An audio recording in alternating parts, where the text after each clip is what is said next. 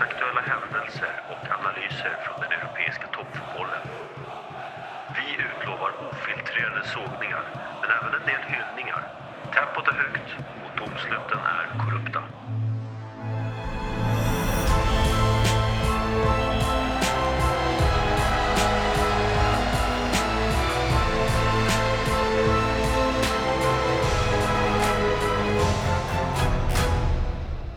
säger du om skandalen i Bergamo, René? För visst var det väl ändå en skandal vi fick bevittna i Atalanta mot Madrid?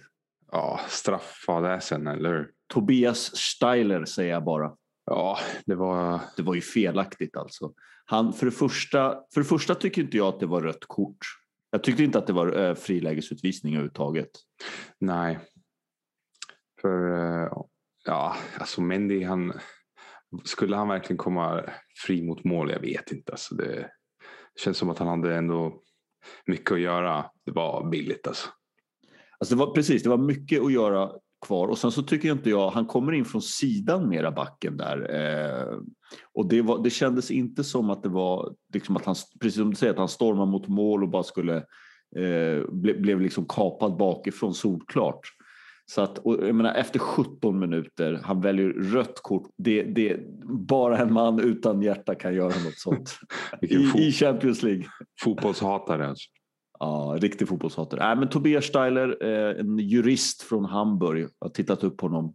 Så man kan väl möjligtvis eh, tänka sig att han eh, befann sig i något slags, någon slags hovrätt motsvarande Tyskland och ville, ville döma till det hårdaste straffet. Äh, men det, kändes, det kändes lite väl okänsligt och lite väl eh, ja, för, för hårt helt enkelt.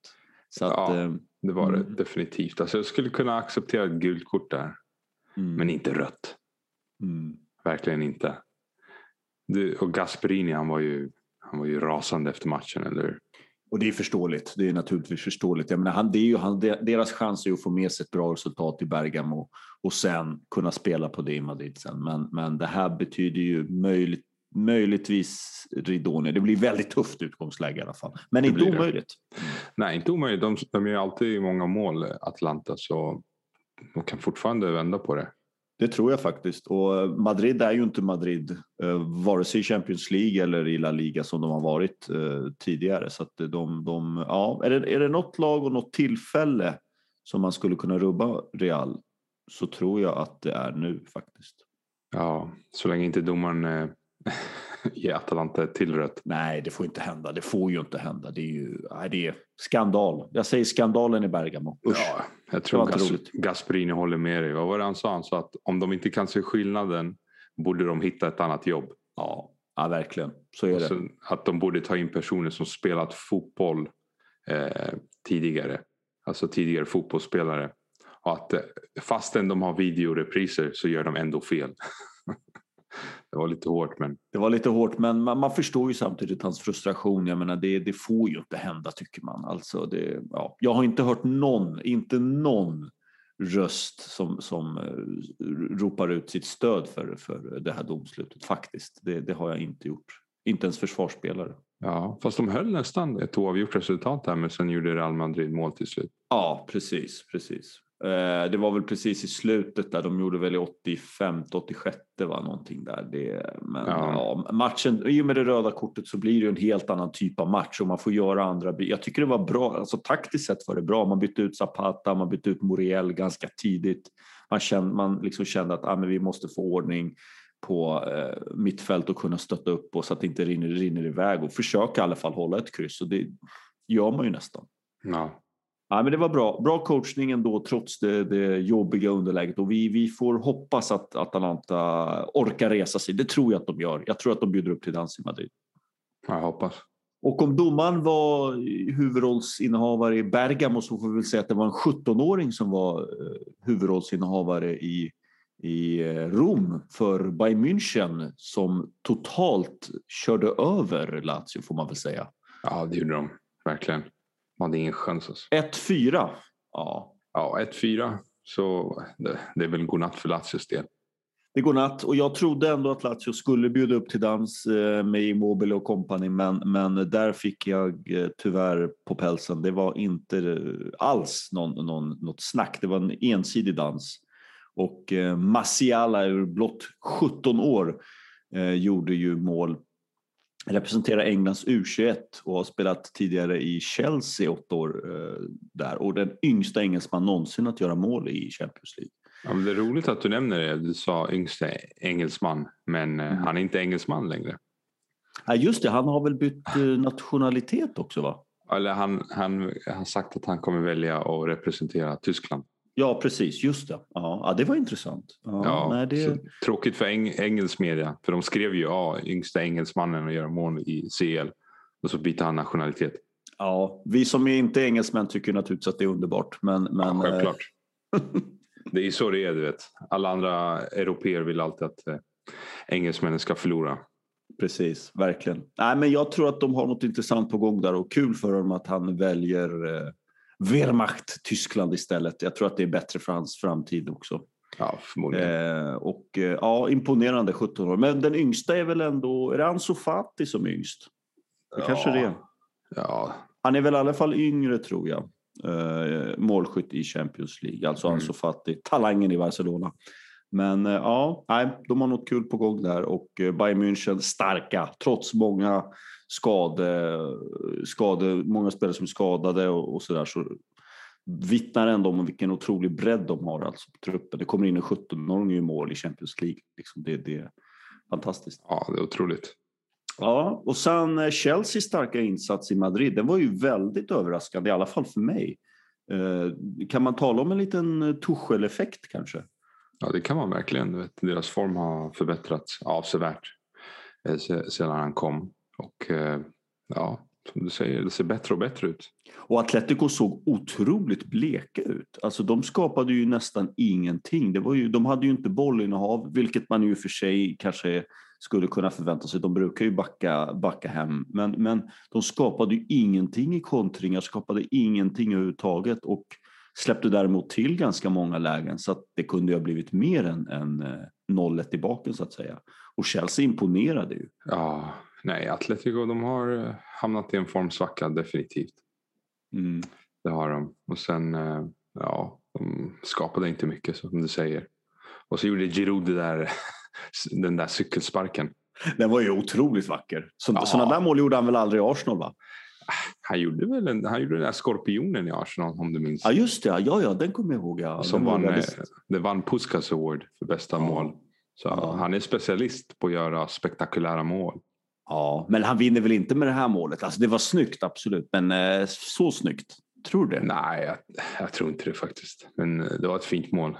Det är hans Ja, det var det. specialitet. Han gjorde ju ett Mm. riktigt snyggt mål mot Sverige också.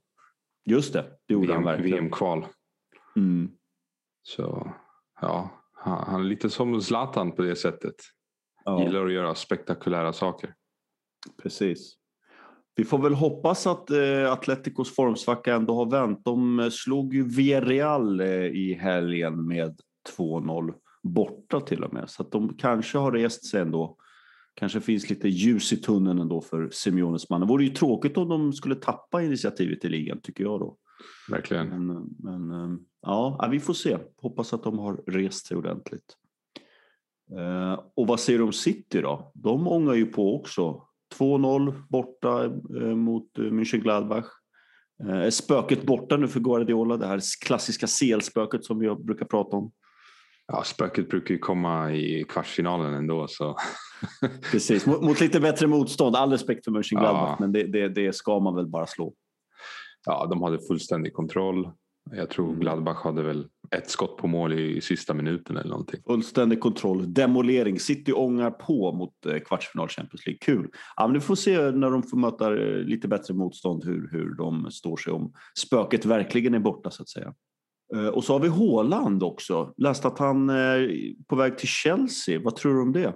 Nej, jag är lite skeptisk till, till det ryktet måste jag säga. Jag tror inte att han hamnar i Chelsea. Du tror inte det? Nej, de har ju köpt nyligen eh, Timo Werner som inte riktigt har lyckats eh, överhuvudtaget. Det har väl blivit en liten floppvärmning. Ja, Havertz också. har varit lite svag. Kai Havertz har varit svag. Ziyech Mm. har varit sådär. Och jag tror, jag tror Haaland hamnar antingen i Real Madrid eller i någon större klubb i England. Mm. Du tror kanske City pratade vi om förut också. Pappa Haaland som hade spelat där tidigare också. Ja, det är ju möjligt de har ju pengarna. Mm. Får inte glömma Mm. att Raiola kommer kräva mycket pengar. Just det. Eftersom han är Haalands agent. Han gillar att få bra betalt. Precis. Maffiaagenter gillar att få mycket pröjs, ja, precis. Ja, jag läste också att eh, Temi Abraham eh, väntar med att förlänga också på grund av det här ryktet om att Haaland är på väg. Så han eh, kanske tror lite mer på det. Jag förstår att han är lite nervös. Han måste akta sig. Liksom. Ja. Men eh, jag tror Haaland... Antingen så stannar han i Dortmund en säsong till. Och i 2022 så hans utköpsklausul går ner till 75 miljoner euro. Så då blir det ett budkrig tror jag. Ja, förmodligen. Jag tror att det kan vara rätt också för honom att stanna i Dortmund en säsong till, precis som du säger. Jag menar, det går ju så himla bra för honom. Han är ju inne i ett stim och bara kör på. Så att, ja, kan vänta lite, varför inte? Men jag tror att det också beror på ifall Dortmund eh, kvalificerar sig för Champions League. Naturligtvis så är det, det är väl viktigt också. Men, men det ska de väl göra va? Eller har de så kämpigt i Bundesliga? De har det kämpigt men eh, man tycker ju att de borde lösa det. De borde lösa någonting. Ja, och sen har vi Arsenals eh, fina vändning också. Det är ju glädje väl ett Arsenal-fan i dessa annars Ja. så mörka tider på för The Gunners. Eh, Men Ja. eh, låg under med 1-0 och då tänkte man väl att ah, nu ser det illa ut som vanligt tänkte jag säga. Men sen så vände man vann med 1-3 på bortagräs mot Leicester City. Ja, du pratar om City-matchen. Jag trodde du pratade om Benfica-matchen. Nej, jag pratade, ja precis, jag pratade om Leicester där tänkte jag. Jaha, nej, det var Ja, två- Benfica var ju, ja, Benfica var ju också fin. Ja, men där var, där var de verkligen i trubbel. Mm. Benfica ledde ju där med 2-1. Ceballos var ju ah, ur, usel. Usel Ja, match och sen gav usch, bort. usch. Och så gjorde, ja, gjorde man 2-2 och sen 3-2 där i 88 minuten. Ja, det var otroligt alltså. Det var, ja, det var viktigt för Arsenal tror jag. Hade de åkt ut där Ja, då mot. Benfica, ja då hade Arteta varit long gone som man säger. Ja, då hade säsongen varit eh, död egentligen. Ja, och så följde man upp det. Ja, exakt. Man följde upp det eh, mot Leicester Mm. som, som ligger trea. Arsenal ligger ju där 11-10. Så det, det var en imponerande seger. Ja, det var en fin skalp och ja, jag tror nog att Arteta har räddat någon, någon vecka till i och med de här två segrarna. Livsviktig vecka för hans eh, kvarvarande i klubb, klubben får man väl ändå säga. Ja. Och så såg vi ett misstag från Xhaka mot Leicester som ledde till första målet. Han är så dålig René. Jag förstår inte att ni envisas med att spela honom hela tiden. Alltså. Han är så värdelös. Vad är det du brukar säga om honom? Han har alltid ett eh, misstag nära till hands. Precis. Han och David Luiz i samma Ja, lag. Det, herregud. det är inte bra alltså. Ja, det är för många misstag då. Ja. som är nära till hands. David Luiz. Men David Luiz gjorde ju mål. Han gjorde ju Ja. 1-1 där. Det ska man ge honom. Fast eh, han är som han är. Samma gäller Xhaka. Ja, precis. Och det, det är lite synd för att det är två i grunden väldigt kompetenta, duktiga fotbollsspelare. Vi har pratat om David Luiz förut, men samma sak med Xhaka. Han är ju duktig. Alltså, han är duktig med bollen, bra spelfördelare, Ja. fina crossbollar. Han har ju många bra attribut. Jätte, jättefin vänsterfot. Men det är som du säger, ett misstag är alltid nära till hans. Ett rött kort eller dra på sin frispark. Han hans defensiva arbete är ju i, många stunder obefintligt. Alltså. Eller Ja. alldeles för, för eh, hårt. Han är alldeles för hård i, i närkampsspelet. Eller huvudlös snarare. Ja, han är som ett kylskåp också. Ja, han är så orörlig också i Han är, han är så långsam också. Precis, precis. Ja, nu när han jagade Thielemans där vid Leicesters Ja. första mål. Det såg ut som att Thielemans var Mbappe. Liksom. Ja, då är Tillemans är ju snabb, det ska vi ge honom i och för sig. Ja. Men han är inte Mbappe eller Adama Traoré. Det, Nej, såg ut nej, som ja. det. Precis. Ja, ja. Nej, han är, det, kylskåpet Xhaka är orörlig och lite opolerad emellanåt. Han får ta sig i kragen lite grann. Men det värsta är med sådana spelare, jag tror aldrig att de kommer göra det. De kommer Nej. aldrig bli de där spelarna man önskade. Alltså vill Arsenal ta nästa steg så måste de uppgradera den positionen. De har redan Thomas Partey som är en toppspelare. Mm. Och du måste få in en, en eh, central mittfältare bredvid honom. Du kan liksom inte... Ja, du kommer inte utmana om Champions League, eller förlåt, om Premier League titeln med Xhaka. Nej, verkligen inte. Och det, men man har ju provat, alltså, som du, du nämnde Ceballos, Ceballos och nu har man eh, Xhaka också. Alltså, man har provat med båda men det, jag tycker inte att varken någon av dem är den där spelaren som ska ta Arsenal till nya höjder. Eller, eh, förstår du vad jag menar? Det, det, det, kommer aldrig hända med de två känns det som. Utan man måste hitta någon, någonting nytt. Ja, medelmåttor. Ja, det är medelmåttor precis. Och jag tror inte att man kommer kunna lyfta med dem, tyvärr. Nej, det, det kommer inte. Så har man El också. Samma sak. Medioker ja. fotbollsspelare. Medioker, medioker, ja. Man hade Torreira förut. Började jättebra. Ja. Men sen eh, djupdök helt kan man väl säga. Ja, och nu får han inte ens spela i Atletico som han är utlånad till. Precis. Vet, El ja, jag vet inte. Skulle han ens platsa i Sveriges landslag? Jag tror Ekdal och Olsson skulle bänka honom. Alltså.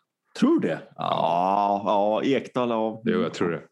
Och om man, inte, om man inte är tillräckligt bra för att spela i Sverige ska man inte spela Arsenal. Nej, så är det. Så är det. Han, han platsar i Egyptens landslag och det är väl en, en liten tröst i alla fall. Ja.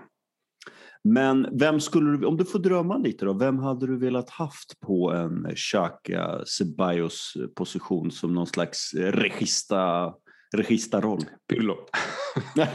du, du, tog upp La Regista de la Registas. Den största av dem alla. Ja, det är klart. Andrea Pirlo naturligtvis föredöme för alla. Men jag tänker liksom Real, där har du ju två. Du har ju både Toni Kroos och Luka Modric som är ja. liksom regissörer. Och så har du Casemiro som någon slags städgumma där som motsvarighet till Party kanske. Man kan väl jämföra lite grann. Sådär. Eh, och jag menar visst, man behöver ju sådana såna spelare. Så att det, ja, mm. Milan har ju Benazer tycker jag ändå. Och det märks när han inte varit med att det har varit lite jobbigare. Ja, det, det är lite sorgligt att Benazer är före detta Arsenal-spelare. Mm. Honom hade man velat ha nu. Honom hade ni verkligen behövt.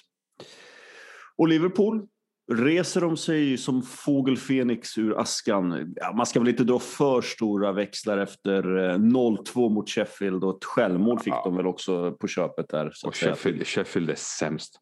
Ja, och de, de är ju toksist. De är, ja, de är toksist och det, det, finns väl inte mycket ljus i den tunneln. Nej, de kommer åka ner. Alltså de är sämst. Så ja, jag vet väl... inte. Att de bara var med 2-0 det är kanske oroväckande. Ja, det, och, och ett självmål också. Det får man väl ja. ändå uh, se som någonting uh, oroväckande. Ja. Nej, Lundströms mannar, eh, denna Lundström som jag skördade stora framgångar med i fantasy förra året, de har inte mycket att och, en skugga av hur de spelade förra säsongen där de var riktigt bra faktiskt. Ja, ja förra säsongen var de otroliga och vi alla fick massa fantasypoäng från deras spelare. Mm. Eller Ja. ja, du hade väl mittbackar där också som ja. du spelade ganska frekvent. Uh, hade Igen och Baldock och sen Lundström såklart. Ja, Lundström. Han var ju som sagt succémannen som vandrade runt där. I, ja, han var riktigt duktig. Och sen har vi sömnpillret då, Chelsea United. Vad säger vi om den matchen då? Ja, det var en väldigt låst match. Måste man ja. säga. Men jag tyckte det positiva är att Lindelöf var riktigt stabil. Det var han. Det var ju ett sömnpiller, det måste vi ju säga. Det var ju liksom som man, man befann sig i trans och tittade på någon. Ja, det var väldigt låst tråkigt. Men som du säger, Lindelöf väldigt stabil, hade ju koll på allt som hände. Eh, och fick väl för en gångs skull fina betyg hoppas jag från uh, brittisk media. De känns inte som de skriver att han är bra, bara han är mindre bra så att säga. Men, men ja. ja det var ett sömnpiller. Och det är ju inga, det är ju inga ligavinnare här som, som uh, vi såg tycker jag, utan det kommer ju handla om City tror jag. Ja, de har ju liksom 20, 20 vunna matcher på rak. Ja, så är de, det. De går som tåget. Precis, och man ser ju en stor skillnad när de antar sig en sån här stor match City. De försöker ju alltid att vinna. De försöker flytta fram, de riskerar lite grann. Nu har de fått ordning på defensiven. Men det här, det var ju inget, inget av lagen försökte ju vinna. Kanske Chelsea, men definitivt ja. inte United och knappt Chelsea skulle jag säga. Ja, det var dött och du vet, riskminim- dött och tråkigt. Ja. Riskminimering var prioriteten. Mm. Verkligen, där kunde man slagit på få ett reprisavsnitt av Farmen istället och haft roligare. Men eh, Milan däremot, de är på rätt köl igen känns det som. En eh, förvisso ganska dyrköpt seger mot ja. Eh, Roma. Zlatan ut skadad, Ljumsken och Chalanoglu ut skadad, Rebic målskytt och ut skadad. Ja. ja. Hur länge blir Zlatan borta då? Några veckor eller? Jag har inte sett några rapporter rapporter än så länge men eh, ja, det känns inte bra. Han har haft problem med vad tidigare och eh, nu Ljumskar tog sig för ljumsken och grinade ganska illa där när han gick av. Ja. Eh, nej, det känns inte bra och eh, alltså tittar man på de tre spelarna, Zlatan, eh, Chalanoglu och Rebic så är det ju kanske de viktigaste spelarna som finns eh, i Milans trupp idag tillsammans med Benazer som är fortsatt skadad. Så att, eh, jag är orolig. Ja, det känns väl som att Inter, eh, Inter är i eh, den bästa positionen just nu. De ligger etta, fyra poäng före och Conte har hittat sin bästa elva. Verkligen. De ångar på 3-0 eh, senast och det är, det är Lukaku målskytt. Ånyo. Ja. ja, vi får se. Men däremot vill jag bara säga en sak. Romagnoli var bänkad mot Roma. Spelade med Tomori och Kjär istället. Och det blev genast mycket stabilare där bak skulle jag vilja påstå.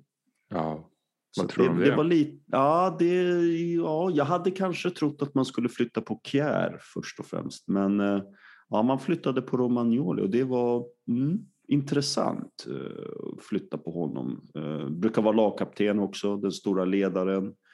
Är väl den enda som har gjort några landslagsframträdanden i den där backlinjen, ja, man bortser från Kjär som i dansken.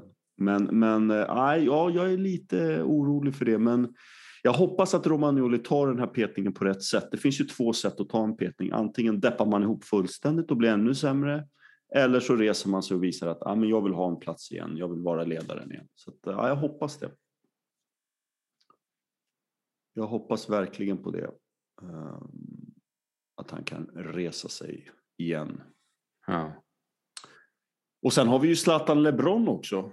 Eh, Var ju lite dispyt mellan dessa två giganter inom varsin eh, stor idrott. Och eh, Zlatan gick ut och sa att LeBron borde bara syssla med, han är en fantastisk basketspelare, kanske den bästa av alla, men han ska inte syssla med politik mer eller mindre. Och LeBron, den store mannen i dubbel bemärkelse, gick ut och sa att det tänker jag aldrig sluta med. Jag kommer alltid att fortsätta med politik och ja, ser väl sin roll också som en, han har tagit väldigt, väldigt mycket stöd för eh, Black Lives Matter-rörelsen och ja. väldigt engagerad i USA. Ja, I människors rösträtt och Precis. så vidare. Så han har gjort mycket bra arbete där innan mm. presidentvalet. Så det var lite förvånande att Zlatan uttalade sig på det sättet. Eller jag vet inte om det var förvånande. Zlatan har ju väldigt starka åsikter, eller hur? Precis. Nej, förvånande att han uttalar sig nej, men att han uttalar sig just så där tyckte jag var lite märkligt med tanke på att han själv ju har nämnt hur han har blivit behandlad på grund av sitt efternamn, exempelvis i ja. svensk fotboll. Malmö, han hade det väldigt kämpigt i början. Han har alltid sagt, ja exakt, han har sagt att han, han var tvungen att jobba tio gånger hårdare än alla andra. Och LeBron påpekade faktiskt det på en presskonferens. Att Zlatan mm. hade pratat om det här. Så det var lite så här att motsägelsefullt av Zlatan egentligen. Och sen har han ju pratat eh, om det här hela, du vet, hur det är i landslaget med eh, utländska spelare. Hela den där grejen med Kulusevski och Janne i Portugal-matchen var det va? Precis, precis. Eh, det var väl Kulusevski som eh, var chockad som han uttryckte ja, över att han chockad. inte fick starta. Mm. Och det blev stora rabalder i svensk media. Ja, och Zlatan uttalade sig där väldigt starkt. Så det är lite förvånande att han då ska säga att LeBron bara ska bara hålla sig enbart till eh, basket. Eller hur? Nej, det känns väldigt konstigt. Eh, precis, Zlatan är ju väldigt frispråkig. Han har väl eh, mellan raderna, om än inte direkt, eh, nästan kallat Janne för rasist, om man ska vara direkt faktiskt. Ja. och, och, ändå sagt att det genomsyrar kanske hela laguttagningen och hans sätt att, att ta ut laget då, Janne. Och att det inte finns några spelare med utländsk bakgrund eh, i truppen och sen när han påpekade det, ja då kom det minsann några uttagningar. Sen hade han väl i och för sig fel i sak just i det eh, uttalandet har det visat ja. sig efteråt. Men, men han har, poängen är att han har engagerat sig och han har tagit ställning och i allra högsta grad politiska frågor. Men nu kritiserar han LeBron för detsamma. Det känns lite, precis som du säger, det blir lite paradoxalt nästan. Ja, det blir det. Och sen eh, Zlatan ägnar ju sig åt massa andra saker än fotboll. Är han inte där på den här italienska motsvarigheten till Melodifestivalen och eh, agerar värd just nu? Ja, precis. Han har ju spänt på sig dansskorna och lämnat fotbollsskorna hemma och dansar runt där på Sanremo-festivalen i, i, Italien. Så att, ja, precis. Det känns lite konstigt att uh, han, han är väl verkligen inte någon fotbollsspelare som bara ägnar sig åt fotboll. Han ägnar sig åt det mesta. Med all rätt tycker jag. Men, ja. men mm. ja, det var märkligt. Det var det verkligen. Och Juventus? Ja, Juventus. Vad säger vi om Juventus då? Ja, de får det tufft att hinna ikapp Inter nu. Spelade oavgjort mot Verona. Ja. Det går trögt. De, ligger, de har underläge mot Porto just nu. Mm. Ja, det, det, ser inte ljust ut för Pirlos mannar överhuvudtaget. Och det kan ju, det risken finns ju att det blir en riktig fiaskosäsong. Alltså att man inte vinner ligan som man har gjort i vad är det, åtta säsonger i rad? Nio. Nio till och med. Och eh, inte gå vidare i Champions League. Ja, då tror jag att Pirlo, då är Pirlos tid över. Det måste det vara. Då är det en katastrofsäsong. Ja, det är, det är riktigt dåligt. Ja, Kulusevski har fått starta med Cristiano i anfallet. Mm.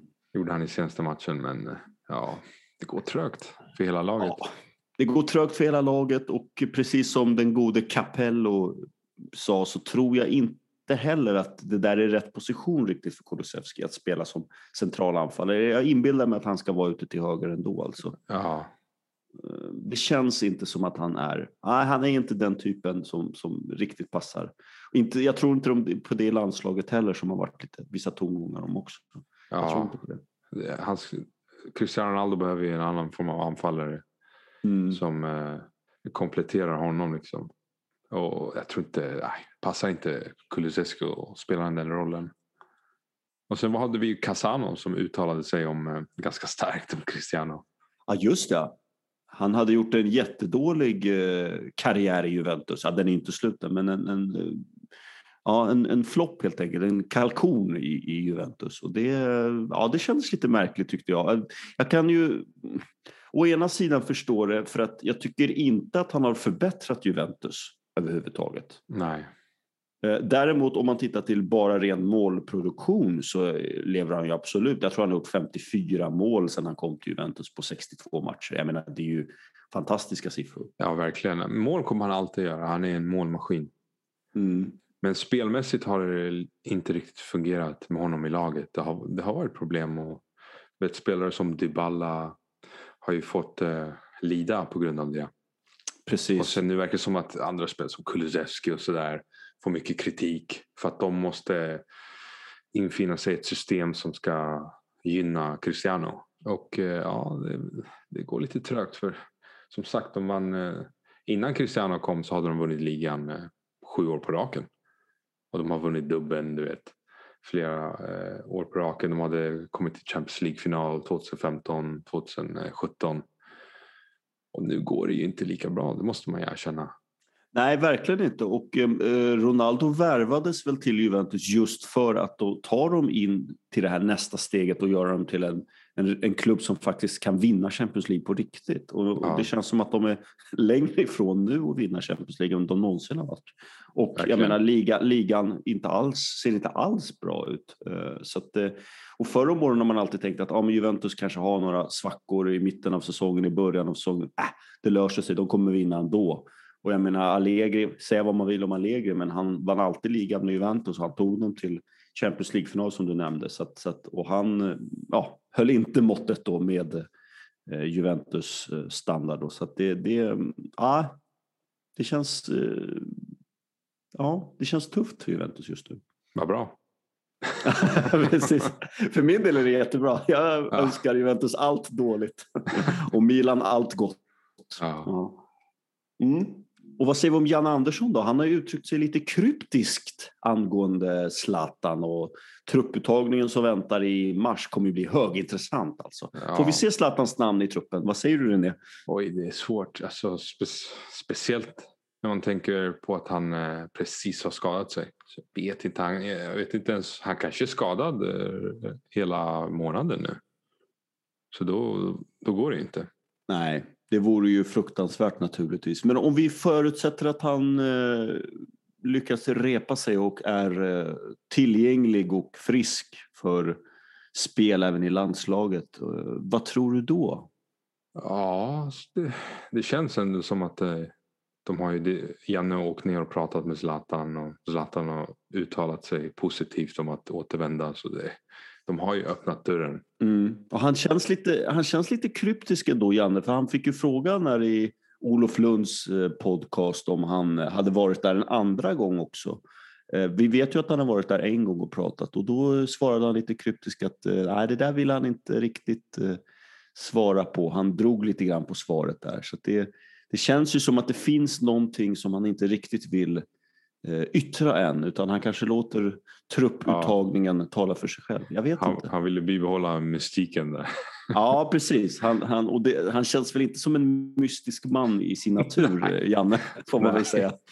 Men just nu skulle han vara mystisk. Det var lite, lite lustigt, kan man tycka. Ja, han vill väl ha den här effekten där du vet, ingen vet riktigt om Zlatan ska vara med eller inte och sen kommer laguttagningen så här, som en explosion. Att Zlatan är med. Det vore ju Ja, kul. nej, men det vore väldigt kul. Jag säger nog att han, eh, jag säger att han blir uttagen. Okej. Jag Ja. tror och hoppas det. Så här tidigt, redan i mars alltså. Jajamän, redan i mars. Han är uttagen, men det betyder inte att han kommer. Kan man säga så? Eh, Alltså han, han, Janne kan väl ta ut honom mhm. Men han kan väl ändå säga nej, jag är skadad till exempel. så att, ja, det vore ju ganska komiskt faktiskt. Det vore ganska roligt. Om Zlatan Men det- bara, vet du vad? Han bara, jag är inte intresserad längre. Men det vore inte förvånande. Jag skulle inte bli förvånad. Ja, så Zlatan gjorde det här bara för att kunna säga nej till Janne. Exakt, Janne bara, exakt. "Ja, Zlatan är uttagen och Zlatan till pressen. Inte, han ringer inte ens Janne, han säger bara till pressen. Bara, Ja. Nej, jag är inte intresserad längre. Inte Han så- skickar, ett sms, han skickar ett sms till Janne vid midnatt och gör slut med honom. Ja, Dumpar honom som en gammal tonårsflickvän. Ja, nej, det får inte hända. Men eh, det kan hända. Det är det som är det värsta. ja, det kan nej, men jag, hända. tror att, han- jag tror att han blir uttagen. Det tror jag. Tillsammans med Berg, Isak. Quaison är skadad. Står frågan om Quaison är skadad. Är det, är det en öppning? Ser jag, ser jag en öppning där för legendaren Guidetti eller? nej, usch. Inte Guidetti. Vi har ju... åh, Vi har ju klätt av honom. Nej, nej, nej, nej. Han har ju precis, han, som, som vi nämnde förra podden, han har gjort eh, färre inhopp än vad Isak har gjort mål. Nej, det är inte Ja. dags. Det kommer Han- inte vara dags. Han har gjort färre inhopp än Isak har gjort mål. Han, samma sak gäller med Berg. Han har gjort färre inhopp än vad Berg har gjort mål den här säsongen. Och färre inhopp än Jordan Larssons målproduktion. Precis, precis. Du nämnde Jordan Larsson. Det är ju en man som naturligtvis går före Gudetti.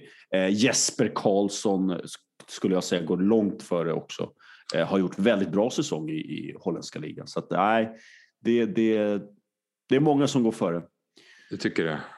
Ja, det tycker jag. Och sen har vi även ett nytt intressant namn eh, för eh, folk som kanske inte har följt AIK så mycket. Men Paulus Abraham har ju gått till Kroningen och blev målskytt direkt nu i helgen.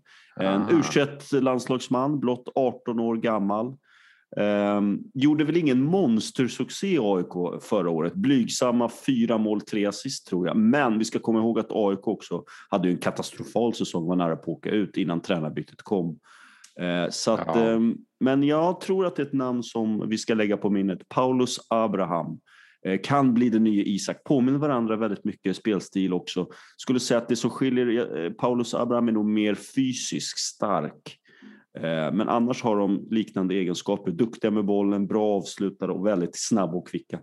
Ja, så det, han är ju Granqvists gamla klubb. Precis, och det, är det vet vi ju själva.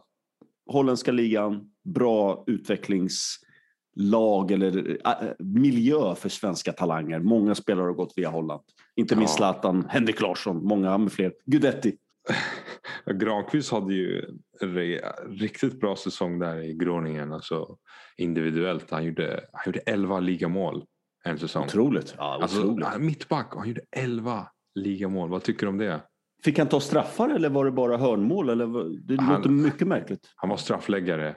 Ja. Men i, jag kommer ihåg, ibland så drev han upp bollen och jag liksom dribblade förbi två, tre pers och gjorde mål. Så att, Mm. att han gjorde 11 mål som, eh, som mittback. Under en ligasäsong. Alltså. Ja, det är väldigt imponerande och det var väl en av Granqvists absoluta styrkor också. Han var ju väldigt duktig med bollen och driva upp i plan och agera lite som den gamla brasilianska backen Lucio var expert på att göra också. Ja. Eh, Spelade lite mer som en Libros defensiv mittfältare som kunde gå hela vägen in i straffområdet ibland kändes det som. Ja. Ja. Men eh, vad tror du om Guidetti då? Kommer han, eh, platsar han i någon av de här Istanbulklubbarna som eh, det brukar ju vara, alltså vi brukar kalla, är det Fenerbahce vi brukar kalla för Elefantkyrkogården eller är det Galatasaray? Det är väl Galatasaray, Fenerbahce och Besiktas som är, Precis. som är elefantkyrkogården.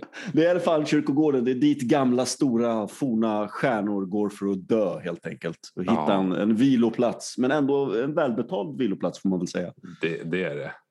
En välbetald viloplats med du vet, eh, fans som är helt galna i fotboll. Mm. Du vet, eh, arenorna är fulla. Stämningen är helt otrolig på de där matcherna. Men eh, Ja. det är frågan. Tror du Guidetti skulle platsa i något av de här tre stora lagen i Turkiet? Ja, nu har ju Özil visat vägen och gått till, var det Galatasaray han gick till? Fenerbahce. Men kom igen. Fener var Du kan inte jämföra Mesut Özil en som har vunnit VM-guldspel för Real Madrid och Arsenal Nej. med Guidetti. Nej, naturligtvis inte. Men, men jag måste också säga, hur mycket har Özil spelat den senaste tiden innan han kom till Turkiet? Ja, men det, Nästan ingenting. Lika, mycket roll, som, alltså. lika lite som Guidetti skulle jag säga. ja, men Om en, om, om en i en sämre klubb spelar Guidetti, det, absolut. om, du tänker, om du bara tänker på råtalangen. Ja, nej, det går inte att jämföra. Det går ja, inte. Nej. Det går inte. Man skulle möjligtvis kunna jämföra Guidetti när han var i Feyenoord då, möjligtvis någon gång i begynnelsen. Den där berömda säsongen när han gjorde 20 mål på 23 matcher. Men nej, absolut, det går inte att jämföra. Ja, Så att svaret blir väl nej. Guidetti platsar inte i något av eh, de där storklubbarna i Turkiet. Men eh, kanske i eh, Kayserispor eller i Trabzon kanske? ja Konyaspor. Konyaspor? Alltså Konyaspor i Sverige. Konyaspor i Sverige, de, de ligger i fyra nu tror jag. Ja, faktiskt. Där platsar halkat ner. han definitivt. Okej, Där skulle Mm. han få tröja nummer nio. Och, Han skulle vara kung på Alby IP. ja, verkligen. Och vi skulle gå och titta på honom och heja på honom. Men det är väl mer troligt att han skulle hålla till i de här Rinkeby FC, Bojan Djordjic gamla lag tror jag i sånt fall. Videoton Bojan Georgis gamla lag, eller hur? Ja, jag vet att du inte har mycket övers till den där mannen. Vare sig hans frisyr eller hans eh, Ja. fotbollskarriär. Hur många matcher fick han i Videoton? Tre? Fyra? Ja, nej, jag vet inte. Han var ju... Det är en sån där man som har varit lite överallt men aldrig lyckats känns det som. Förutom i AIK där han vann SM-guld. Ja, i allsvenskan lyckades han, men i Europa Ja. så... Ja, Nej, Var i Plymouth och han har varit i United som man ofta skryter om. Men eh, han gjorde väl ingen A-kamp för United tror jag. Spelade väl bara i kanske något, något, in, något inhopp. Något inhopp möjligtvis. Mm. Ja. Ja. ja, det är intressant. Nej, eh, Gudetti platsar inte eh, i något av de storklubbar som finns i Turkiet. Han får hålla sig i Konyaspor kanske efter karriärens slut. Om den inte redan är slut. Och sen eh, Isak eh, spelade runt 80-82 minuter igår mot Real Madrid. Mm. Ja, var lite blek, men jag tycker nog att hela Sociedad var, var bleka. Ja, det var precis. Jag såg bara i början där, sen slocknade jag. Men, men Real Madrid var ju klart bättre första halvlek, skapade ju många lägen. Ja. Det, här, det, var mycket, det var mycket som var bra faktiskt för Real Madrid i det första halvlek tycker jag. Borde ha, ha gått ut med en eh, ledning där tycker jag i andra halvlek. Men nej, 1-1 till slut. Ja. Så där tog hans, eh, hans form... Ja, det har gått ner sig där med en match. Men vi får hoppas att eh, han fortsätter starkt resterande Mm. delen av säsongen. Vi får verkligen hoppas det. Som sagt, eh, snart är det landslagsuttagningar och Janne ska presentera sin trupp i mars och det kommer bli högintressant. Och naturligtvis finns Isak med där. Eh, Det är ju inget snack om. Men vem som gör honom sällskap? Ja, vi har pratat om Zlatan. Eh, om inte Zlatan, vi vet att Marcus Berg känns ju ganska given eh, i truppen. Det är väl, Ja. han, har väl, ha- han är väl cementerad i, i, truppen i alla fall. Ja, då startar ju Berg och Isak på topp utan Det tvekan. verkar så. Ja, Efter så, Quaison är ju skadad. Så... Quaison är skadad, han är inte tillgänglig. Eh, och så pratar vi om mittfältet, eh, hur det blir. Eh, där har vi ju angenäma problem, men, men Kulusevski och eh, Claesson kanske som direkta konkurrenter till högerplatsen och eh, Forsberg ute till vänster känns väl ganska ohotad va? Ja, det, han, är, han är hur säker som helst. Mm. Han kommer alltid spela. Han kommer alltid spela. Får vi se om Ken Sema blir uttagen också. Han har väl gjort det ganska bra i Watford ändå i år. Ja, han har gjort några mål där. Två, tre mål Mm. i Championship. Precis. Jobbar ju hårt också. Får vi se hur han löser mittbacks, eh, mittbacksdilemmat också. Med, jag vet ju att han tycker väldigt mycket om eh, Ponna, Pontus Jansson där, men, men eh, vi får se. Jag vill ju ha Danielsson bredvid Lindelöf. Ja, eh, jag tror på det. Danielsson och Lindelöf tillsammans. Mm. Och till EM så blir det Granqvist Lindelöf då, enligt mina ti- tidigare förutspådda analyser. Ja, det vore otroligt faktiskt. Ja, det, det, jag, jag tvivlar inte en sekund. Han kommer köra det. Det är jag helt säker på. Så länge Granqvist spelar fotboll så får han spela. Ja, då får man hoppas att han är i form. Eller hur? Det får vi verkligen hoppas. ja, Granqvist. Ja. Mm. Ska vi säga så? ja, vi säger så. Det gör vi. Tills nästa gång. Tills vi ses igen. Ja, Yes. Ciao. ciao.